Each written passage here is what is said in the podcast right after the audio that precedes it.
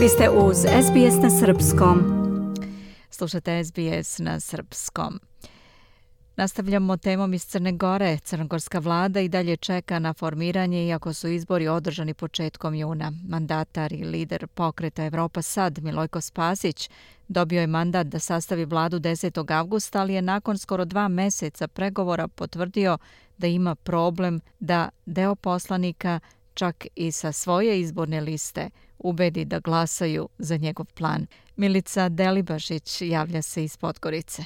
I dalje ni na vidiku nema nove crnogorske vlade. Iako mandatar Milojko Spajić ima rok do početka novembra da sastavi novu izvršnu vlast, na polovini roka da ga informiše o situaciji pozvao ga je predsjednik države i partijski kolega Jako Milatović.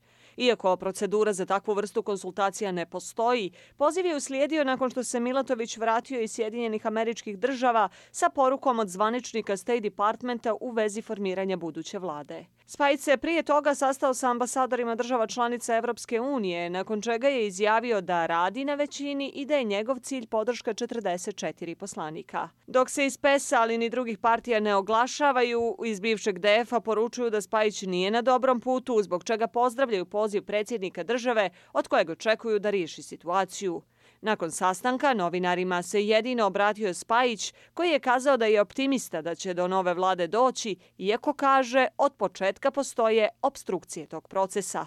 Moj lični stav je iznesen e, na glavnom odboru. Mislim da, e, da e, ne trebamo biti zatvoreni za, bilo kak, za razgovore u budućnosti i sa ZBCG i sa nekim drugim partijama. Mislim da treba definitivno otvarati, front, otvarati vidike, treba biti treba biti širokogrudi, treba razmišljati uvijek kako da okupimo što veći broj poslanika oko ideja za koje se zalažemo. Posebno je upitno da li Spajić ima podršku unutar sobstvene liste, jer se dvije poslanice zalažu za ulazak DF-a u vladu. One su navodno bliske pod predsjedniku PES i predsjedniku države Milatoviću, koji zagovara ulazak bivših članica DF-a u vladu. Spajić je ranije na pitanje kojom podrškom sada raspolaže odgovorio. Nije to kao live score u kladionici pa da gledate ono 39 44 i tako dalje. To je jednostavno proces ovaj razgovora. Vidjet ćemo 44 poslanika su naš target.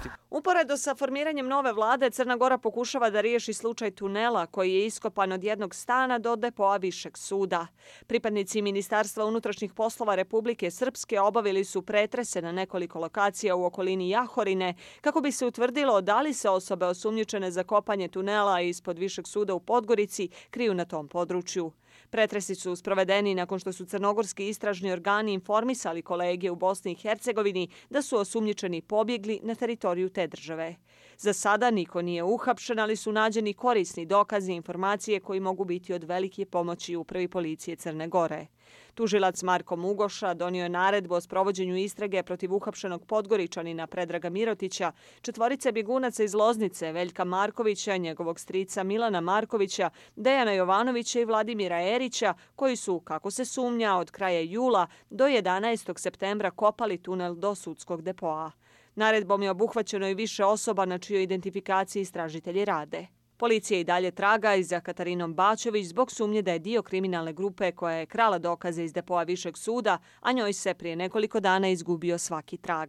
Policija procjenjuje da je akcija kopanja tunela koštala više stotina hiljada eura, a operativni podaci navodno ukazuju da su organizatori vođe Kavačkog klana. Iz Podgorice za SBS na Srpskom, Milica Delibašić.